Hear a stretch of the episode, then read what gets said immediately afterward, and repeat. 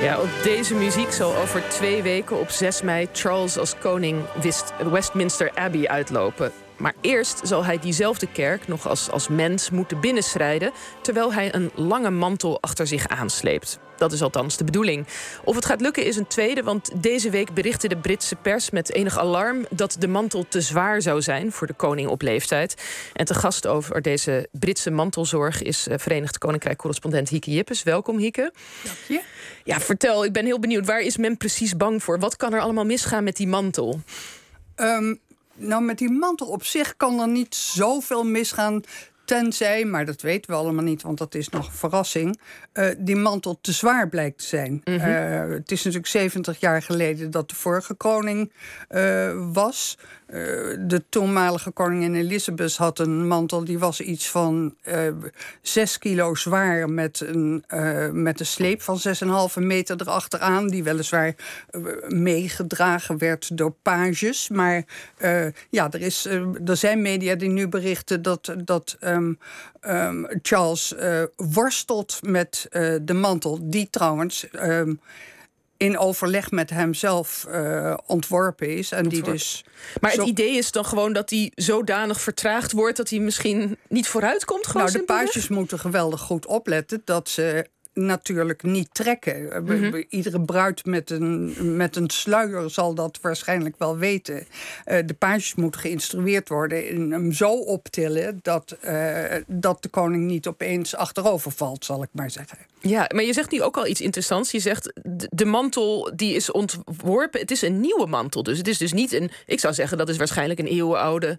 nee, hermelijnen mantel of iets dergelijks. Je moet niet voor deze uh, ceremonie al je mantels door elkaar halen. Want er komt inderdaad een tweede mantel. Die is, uh, ik geloof, uh, 19e eeuw, zoals zoveel 19e eeuw is in dit ceremonieel.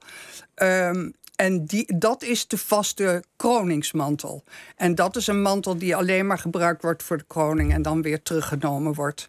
Dus uh, die wordt op een gegeven moment afgelegd. Dan krijgt de koning een, een, wat, wat heet de supertuniek aan. Dat is iets, een wit uh, gewaad waarover die kroningsmantel straks gaat. Met nog een stola en armbanden en nog een heleboel andere dingen. En die kroningsmantel, dat witte gewaad is dus vooral Um, ik kom hier als een onbezoedelde, onbevooroordeelde uh, mens voor, mijn, voor de King of Kings. En uh, ik wacht nu uh, op de zalving van uh, de aartsbisschop van Canterbury, die mij zal maken tot die bijzondere, eigenlijk oorspronkelijk van God gezonde soeverein. Ja, dus ik hoor al wel, er, het is niet zomaar een mantel het staat ergens voor. Echt. Het staat ergens voor en dat hele uh, kroningsritueel uh, dat uh, dateert uit een beschrijving van in een document van de 14e eeuw, het zogeheten Liber Regalis. Maar er is natuurlijk in de volksmond ook een heleboel uh, bewaard over hoe dat eruit zag vanaf de middeleeuwen. Dus ook al worden een heleboel hulpstukken die gebruikt worden in de dienst, die zijn opnieuw gemaakt mm naar voorbeeld van de mondelinge overlevering. Oké, precies. En uh, je zei al, het is natuurlijk ja, ruim 70 jaar geleden dat de vorige kroning was voor Queen Elizabeth toen. Um, betekent dat dat ze misschien ook een beetje vergeten zijn hoe het moet? Of hoe nou, er is ongetwijfeld een soort um, handboek bijgehouden door de twee belangrijkste figuren in, dit, in deze ceremonie. Uh, de, aarts, de, de aartsbisschop van Canterbury, het hoofd van de Anglikaanse kerk. En uh, de deken van Westminster Abbey, wiens kerk het is. Mm En uh, die twee samen zijn verantwoordelijk voor het goed verlopen van de dienst. Dus die hebben er uh, alles aan gedaan, mag je aannemen, om te zorgen dat dit allemaal vlekkeloos verloopt. Maar het is een ongelofelijke klus. Want uh, er zijn allerlei mensen die in die kerk straks door elkaar lopen. Daar is uh, een fikse vertegenwoordiging van geestelijkheid. Uh, alleen al rond het altaar. Dan is er de koning en de, koning en de toekomstige koningin met hun page en, en, sleepdragers en wat iets meer zij. Mm -hmm. en dat moet allemaal in een choreografie met precies de muziek en precies de gasten eerst al neergezet en op hun juiste plaats. En wat iets meer zei. 2000 gasten. Meer mocht niet van health and safety. De koningin, eh, eh, de Queen Elizabeth, had er destijds meer dan 8000. Maar toen waren er ook allemaal stellages gebouwd in, uh, in de abdij. Maar dat is nu vanwege brandgevaar natuurlijk niet mogelijk. Dus er zijn een heleboel mensen teleurgesteld dat ze niet mochten komen. Kijk, dat ook al. Maar wat natuurlijk ook wel, uh, wat ik ook begreep, om even aan te geven hoe, hoe serieus die voorbereidingen zijn. Ze hebben zelfs de hele Westminster Abbey schijnt nagebouwd om al te kunnen oefenen. Ja, want uh, natuurlijk, uh, koning Charles wil dat dat allemaal vlekkeloos uh, verloopt. Ja. Hè, we hebben gezien wat er gebeurt als, die, als iets niet vlekkeloos verloopt. Dan wil hij wel eens een driftbui hebben. Ja, je hebt het nu over het moment, ik, geloof dat hij iets moest tekenen met Pengate. Toen, toen hij de akte van accessie moest tekenen en de pen lekte... en die dus woedend die pen opzij gooide en naar een bediende siste... van het is ook nooit in orde. En Camilla degene was die Um, dat allemaal een beetje pacificeerde. Dus, maar bovendien, het zijn allemaal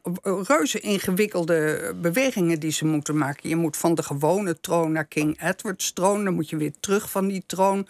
Er moet gezalfd worden. Dat moet onzichtbaar zijn voor de rest van de congregatie en voor de camera's.